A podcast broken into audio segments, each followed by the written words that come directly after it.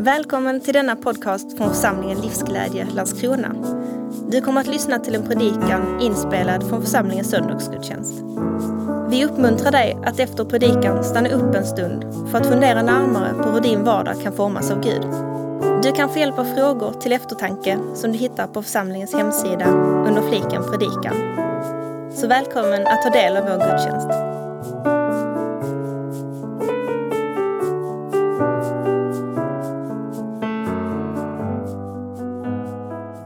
Samband med konfirmationsinbjudan så var min första fråga om jag kunde tro på Gud, om det var trovärdigt att Gud fanns, existerade, hade någonting att säga, var någonting att engagera sig i. Efterhand så växlade den frågan över till en annan fråga. Ville Gud ha med mig att göra? När jag började ana och förstå att Gud fanns, existerade, var god, så vände frågan tillbaka till mig själv. Passar jag ihop med Jesus? Mitt liv, så som det hittills har varit, vart jag vill framöver, min väg vidare. Känner du igen dig någonstans i din väg med Gud i de här typerna av frågor? Vi ska gå till en text i Lukas evangeliet det femte kapitlet som och börja i slutet där det står i Lukas evangeliet det femte kapitlet vers 36 så här. Han gav dem också en liknelse. Ingen river ut en bit ur ett nytt plagg och sätter den på ett gammalt. För dels rivs då det nya sönder och dels passar inte lappen från det nya på det gamla.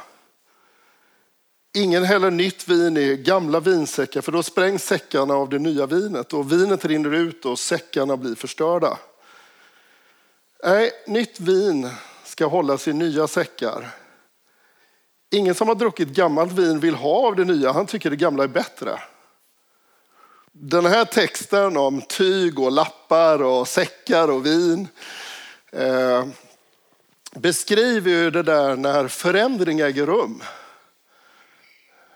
När det kommer in någonting nytt i livet så kanske det är så nytt och annorlunda att det utmanar allt det jag hittills känner till av liv. Och när jag försöker passa in det nya i det gamla som jag hittills har varit med om så riskerar det att förstöra. Det passar inte ihop, det river sönder både det nya och det gamla. Det är något nytt som har kommit och det behöver en ny form, ett nytt liv, en, en ny liksom, eh, anpassning av hela tillvaron. Verkar det som Jesus säger med den här liknelsen. Och han säger ju liknelsen i förhållande till några som har ställt och försöker ställa honom mot väggen utifrån vem han är och vad han gör. De känner inte igen Guds handlande så som Jesus visar att Gud är. Det passar inte in i deras bild av hurdan Gud är, vad de hittills har lärt sig och vad de hittills har undervisat om Gud och varit så övertygade om. Och Jesus berättar den här liknelsen för att säga, men det ni ser framför er av liv från Gud genom det jag gör i mötet med människor, det är någonting nytt och det behöver hällas in i någonting nytt. Och nu lutar ni tillbaka mot det ni hittills har känner till och säger att det gamla det är bättre och det, det smakar godare och jag vill inte ha av det där nya. Så vi sätter in det här i sitt sammanhang och tittar på vad är det Jesus gör och visar som de inte känner igen. Så vi hoppar tillbaka i kapitlet lite grann och jag ska läsa en text som många av er har säkert hört förut från vers 17. En dag höll han på att undervisa och där satt fariser och laglärda som hade kommit från varenda by i Galileen och Judeen och från Jerusalem. Och han hade Guds kraft så att han kunde bota. Då kom det några bärande på en bår med en man som var förlamad och de försökte komma in med honom och sätta ner honom framför Jesus. Då de inte kunde ta sig in med honom i trängseln gick de upp på taket, tog bort teglet och firade ner honom på hans bår mitt framför Jesus. När han såg deras tro sa han, min vän, du har fått förlåtelse för dina synder. Då tänkte de skriftlärda och fariseerna, vad är det för en hädare? Vem kan förlåta synder utom Gud? Men Jesus förstod vad de hade för tankar och sa till dem, vad är det ni tänker i era hjärtan? Vilket är lättast att säga? Du har fått förlåtelse för dina synder eller säga stig upp och gå. Men för att ni ska veta att människosonen har makt här på jorden att förlåta synder säger jag dig. Och nu talar han till den lame. Stig upp, ta din bår och gå hem. Genast reste han sig mitt för ögonen på dem, tog båren han hade legat på och gick hem. Allt medan han prisade Gud. Alla slogs av häpnad och prisade Gud och de fylldes av fruktan och sa det är otroligt det vi har sett idag. Så här samlas laglärda och skriftlärda. De kommer från överallt. Ryktet om Jesus går. Han har börjat bota sjuka. Han har trätt fram och börjat kalla människor att följa och börja visa med sitt liv vem Gud är. Och det här skapar ett rykte och de är där för att ta reda på vem är han? Är det han säger i sin undervisning i överensstämmelse med hur vi har förstått det hittills av vad skriften säger, dess betydelse, hur vi tolkar och tillämpar allt detta. Den här muntliga traditionen som lever, som har utvecklats genom århundraden, stämmer det som är på gång nu med detta? Eller är det något annat som vi ska passa oss för? Så Jesus undervisar och det står att han har kraft att bota. Så förmodligen är undervisningen och helandet en, en, en del av det som händer i det där huset den där morgonen. Jesus demonstrerar Guds kärlek genom att bota sjuka. Och genom sin undervisning och de handlingarna så visar han hurdan Gud är. Vem han är. Människosonen. Det börjar liksom avslöjas lite granna. Där är trängsel, vi kan ju känna oss in i situationen. Och så är det några vänner med en bår som har med sig en lam man, förmodligen deras vän. Och de kommer inte fram.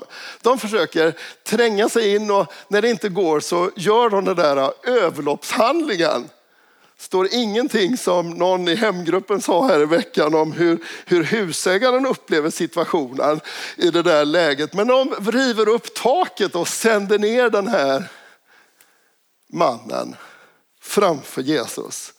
Och Jesus berörs, han agerar på det som händer. Han ser den här mannens liv och säger de där fascinerande orden, min vän du har fått förlåtelse för dina synder. Det är som att Jesus ser vad den här mannens grundläggande behov är. Och han svarar på det som händer. Han, han låter sig avbrytas. Medlidande och handlingskraft träder fram. Och det är det här som skapar upprördheten i rummet hos fariséerna och, och, och de skriftlärda. Vad är det för en hädare? Vem kan förlåta synder utom Gud? Och Jesus ser vad som händer i deras hjärtan, vad som pågår just där inne. Han ser deras tankar och säger den här frasen som är för mig häpnadsväckande. Vad är lättast att säga du har förlåtelse för dina synder eller säga stig upp och gå. Jag vet inte vad du känner när du hör den meningen det, för mig låter det lite lättare att säga att dina synder är förlåtna eller stig upp och gå. I alla fall om man förväntar sig att något ska hända när man säger stig upp och gå till en lam person. Du kanske har testat detta hemma och tycker det funkar jättebra. Men hos Jesus hänger det här samman och det hänger samman av en särskild anledning. Den här lame mannen lever ju en tid och en omvärld som har en förståelse förmodligen hos de här skriftlärda och fariseerna, att det som är din sjukdom, din lamhet, och det är inte att han är liksom alltför tillbakalutad lam, han är fysiskt lam. He's not lame, he's lame. Är vi med? Ja. Och i den här tiden är människor övertygade om det där är ett tecken på att Gud har visat sin frånvaro från ditt liv. Gud vill inte ha med dig att göra. Gud har dratt sig undan från ditt liv. Din sjukdom är ett tecken på att du är förkastad av Gud. Och därför hör helandet och orden om att dina synder är förlåtna så starkt samman när Jesus agerar. Han behöver ha undret, helandet också för att upprättas i relation till de som ser på honom runt omkring honom. Som har föraktat honom, förkastat honom och sagt att han är i avsaknad av Gud. Så det Jesus gör i den här stunden det är att säga ditt liv passar ihop med Gud. Din synd är förlåten. Det som du är buren av, av bortvändhet och frånvändhet, de fel du har gjort i ord, tankar och handlingar är förlåtna.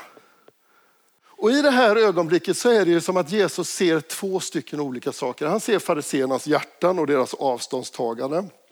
Deras syn på sjukdom och synd. Han ser mannens situation. Han ser behovet, Guds vilja att gripa in. Och så ser han vännernas tro, står det. Hur ser tro ut? Han ser vännernas tro när han tittar upp där och mannen är framför honom. Hur ser tro ut? Har du tänkt på det någon gång? Jag tänker att i själva handlingen av den här kärlekshandlingen, att göra allt för att få fram sin vän till ett möte med Jesus, så visar sig tro. Tro är inte en känsla eller ett känslosvall i stunden när man är övertygad om att nu händer det. Som en del av oss har läst den texten och jag själv har läst texten och funderat många gånger genom mitt liv. Är det något särskilt som jag ska uppbåda av tro för att Gud ska kunna göra sitt mirakel? Är den där tron och känslan nödvändig på något sätt för att Gud ska handla? Men det säger ju inte den här texten utan Jesus bara ser att de vänder sig till honom och ger rum för sin vän in i hans närhet och så är det han som agerar. Och för mig så berörs jag av det. Vännernas hängivenhet att göra allt för att ännu en människa ska möta Jesus.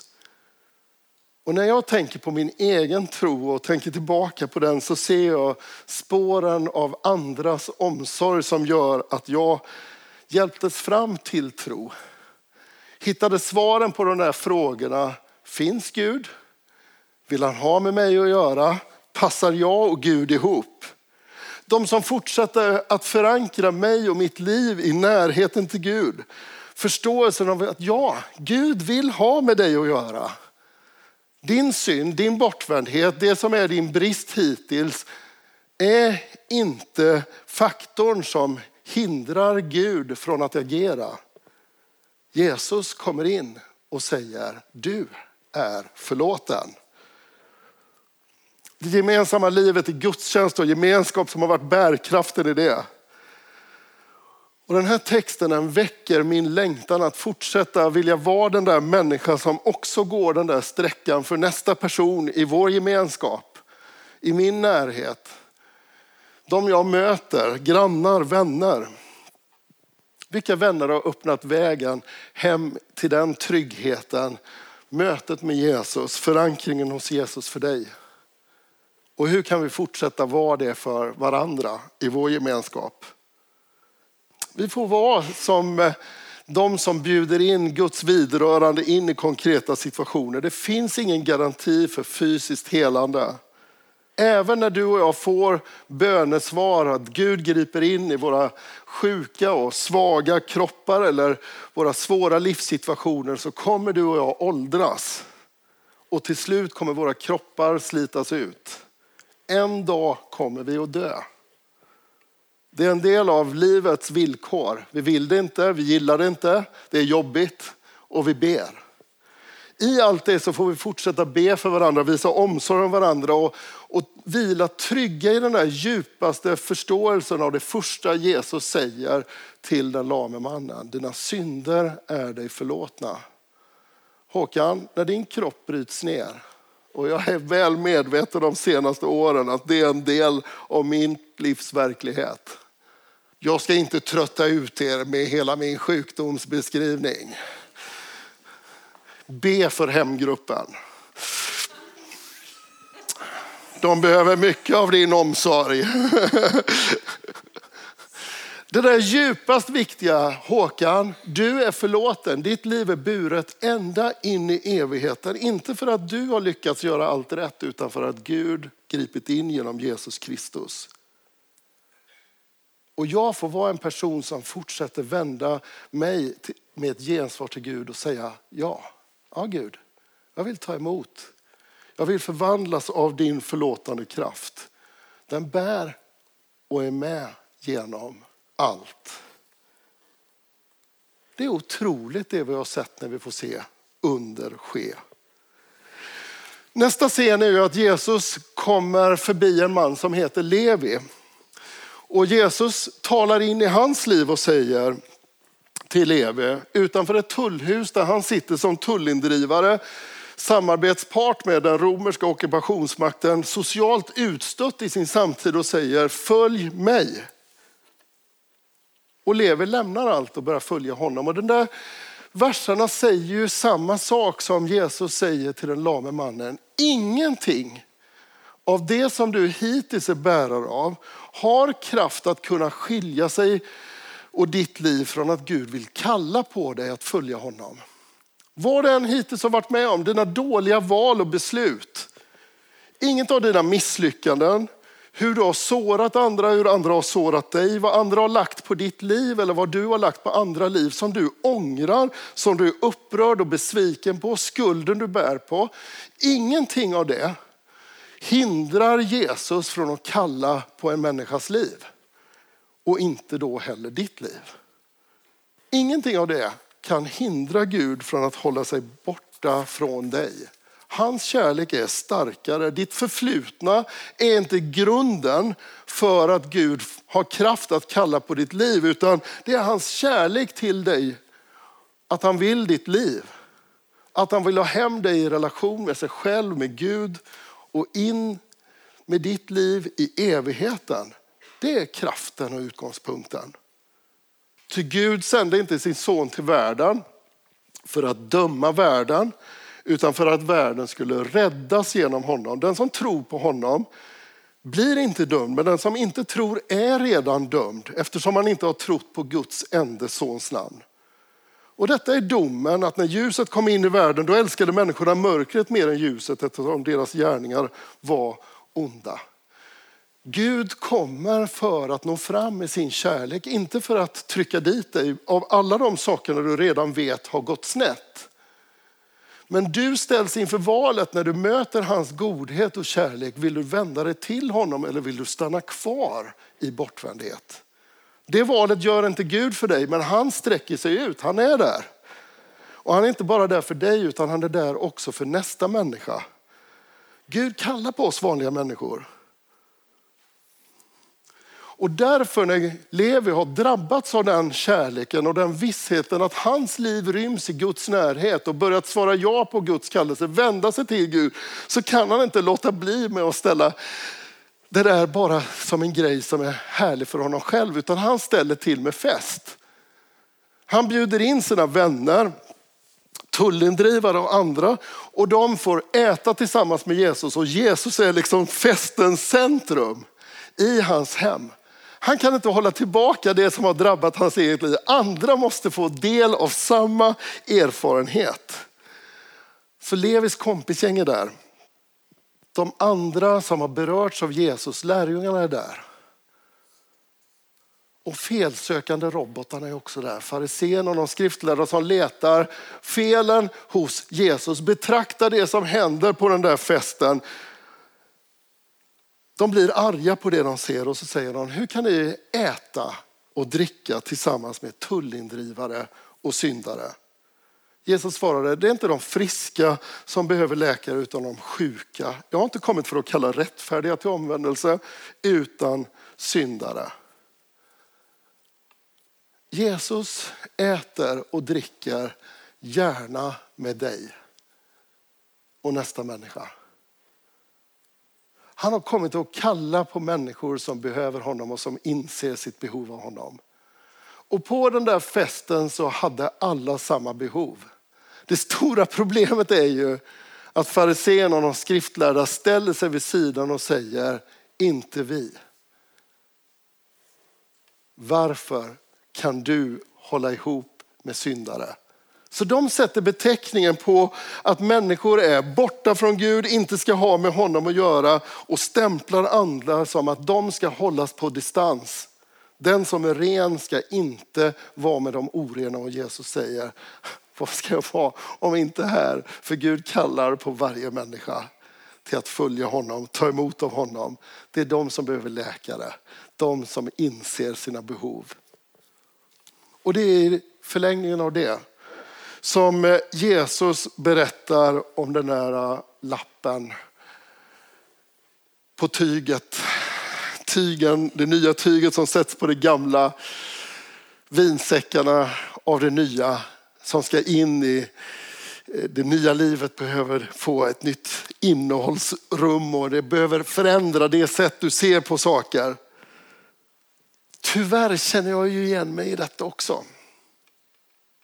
Jag vet inte om du har mött farisén i ditt eget liv någon gång. Den som har ställt sig på avstånd och inte på något sätt är kvar i förankringen att jag är också den som behöver Guds nåd. Som blir så säker på sina övertygelser, på sitt nya liv, att den har svårt att se att nästa människa skulle rymmas på samma sätt. Där den egna fromheten skapar distans till andra istället för att tillsammans med Jesus vara där mitt i det som är livet och säga här ska Guds läkande kraft uppenbara sig. Hur kommer det sig att eh, tacksamheten över det Gud ibland leder oss till den punkten att bli som fariseer? Första gången jag såg det i mitt eget liv det var efter några år som kristen och när jag skulle göra lumpen. Jag hade levt i den kristna miljön och jag firade gudstjänst, jag var aktiv i ungdomsgruppen och jag hade ett hjärta för att människor givetvis skulle upptäcka det jag själv var bärare av och komma till tro. Men när jag kom till lumpen och i rädsla för mötet med de andra grabbarna som var där så, så hade jag liksom pumpat upp mitt försvar genom att tänka, de är inte som jag. Och det var de ju inte. Det var inte så att eh, trons gemenskap eh, även svämmade in i lumpenrummet och på den här korridoren jag bodde eller i det där tältet som vi var ute och låg i skogen tillsammans under träningarna. Mycket av mina föreställningar av, av vad de skulle snacka om och vad de skulle göra kunde jag klicka av i boxarna. Det märkliga var ju inte det. Det märkliga var ju att det som eh, jag fick syn på hos mig själv var att jag föraktade dem. Inte såg deras behov av frälsning och räddning eller hur Guds kärlek skulle nå fram, att jag fick nöd för dem, utan förakt. Och det var när jag kom hem och träffade min blivande svärfar och berättade om det föraktet och gav uttryck för det föraktet. Han bara tittade mig in i ögonen och skakade på huvudet utan att säga ett ord och gick ner i källaren. Som jag inser vad jag har sagt, vilka ord jag har använt och hur jag betraktar andra människor. Och det där ledde till en helg av tårar och bön, av omvändelse. Jag brukar tänka på det där som min andra omvändelse efter tre år som kristen. Gud, jag vill inte vara den som möter människor med frakt. Jag vill vara som lever, som bjuder in till fest med Jesus i centrum. Det där blev min bön från den punkten. Jag behöver inte ha huvudansvaret för hur människor ska ta emot Jesus eller göra med Jesus. Men jag ska presentera honom och låta honom vara närvarande och tillgänglig för varje människas liv. För varje människa som föds in till liv från Gud gör det inte av våran ansträngning eller av sin egen ansträngning utan av Guds ansträngning. Så här står det i Johannes evangeliet den 12 och 13 versen i det första kapitlet. Men åt dem som tog emot honom gav han rätten att bli Guds barn åt alla som tror på hans namn. Som har blivit födda, inte av blod, inte av kroppens vilja, inte av någon mans vilja, utan av Gud. Gud föder oss på nytt. Inte genom din ansträngning, utan genom Guds ansträngning.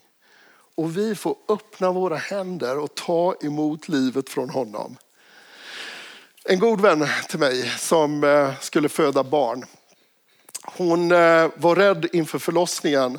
Jag tror det var hennes andra förlossning. Hon var orolig hur det skulle gå. Och I den oron så ringer hon en god vän som eh, är barnmorska. Det här utspelar sig i Norge. Nej, det är inte Gunbjörg Lindvall. Ehm, men det här utspelar sig i Norge, så den här barnmorskevännen de pratar om, om känslor och oron och så säger hon till slut, husk öppna händer. Kom ihåg öppna händer. Som tipset inför förlossningen. Du ska ta emot ditt barn med öppna händer och idén bakom det var det att har du öppna händer så spänner du inte kroppen på fel sätt under förlossningen. Utan kraften och förlossningskraften går till rätt saker och du kommer kunna ta emot ditt barn med öppna händer. Och så tänker jag att Gud gör när du och jag föds fram till liv. Han tar emot oss med öppna händer. Och när du och jag låter oss födas fram till liv så får vi också ta emot Jesus med våra öppna händer. Det är inte din ansträngning, det är inte genom att du spänner dig som du kommer kunna ta emot Kristus, utan genom att öppna ditt liv för honom. Nu ska vi gå in i nattvardsstunden. Och vi ska ha möjligheten att få ta emot liv från Gud i det här ögonblicket. Han som föder fram oss till liv, han som välkomnar oss. Och vid det här bordet så är du och jag inbjudna att ta emot hans liv med öppna händer. Han som har öppnat sitt liv för oss. Undrar du om ditt liv ryms i Guds närhet? Välkommen fram. Nattvarden säger ja till dig. Ja genom Jesus Kristus som Herre och Frälsare. Upplever du dig förlamad av dina egna tankar eller andras ord? Att du inte har någon handlingskraft kvar. Ditt liv är som förlamat på grund av det du upplever som brustenhet, synd eller andras övergrepp in i ditt liv. Nattvardsen är en eh, helande plats där du får ta emot liv från honom. Ditt liv ryms där i hans gemenskap och han vill säga sina ord in i ditt liv. Dina synder är det förlåtna. Du står inte ensam i din brottningskamp. Han är närvarande genom sin ande. Har du ställt dig vid sidan och betraktar och bedömer folk? Har du fått upp ögonen för din inre farisé? Den här gudstjänsten är medveten att den har blivit din följeslagare den senaste, senaste tiden där du betraktar och bedömer andra från en position från toppen där du tittar ner på andras liv och tänker att de är mindre värda. Nattvarden bjuder in dig till omvändelsens punkt och säga, ja Gud, tack för att du tog emot mig med öppna händer. Och jag vill öppna mina händer så att du Jesus kan bli levande i nästa människas liv på samma sätt. Så nu kommer vi med vår synd, med vår bortvändhet och vi ska sjunga en lovsång tillsammans. Och efter det så blir det den här äh, överlåtelsestunden där vi har möjlighet att med egna ord säga hur det är. Och då bär vi fram våra liv, både det vi är tacksamma för och det vi ångrar och där vi behöver Guds ingripande. Amen.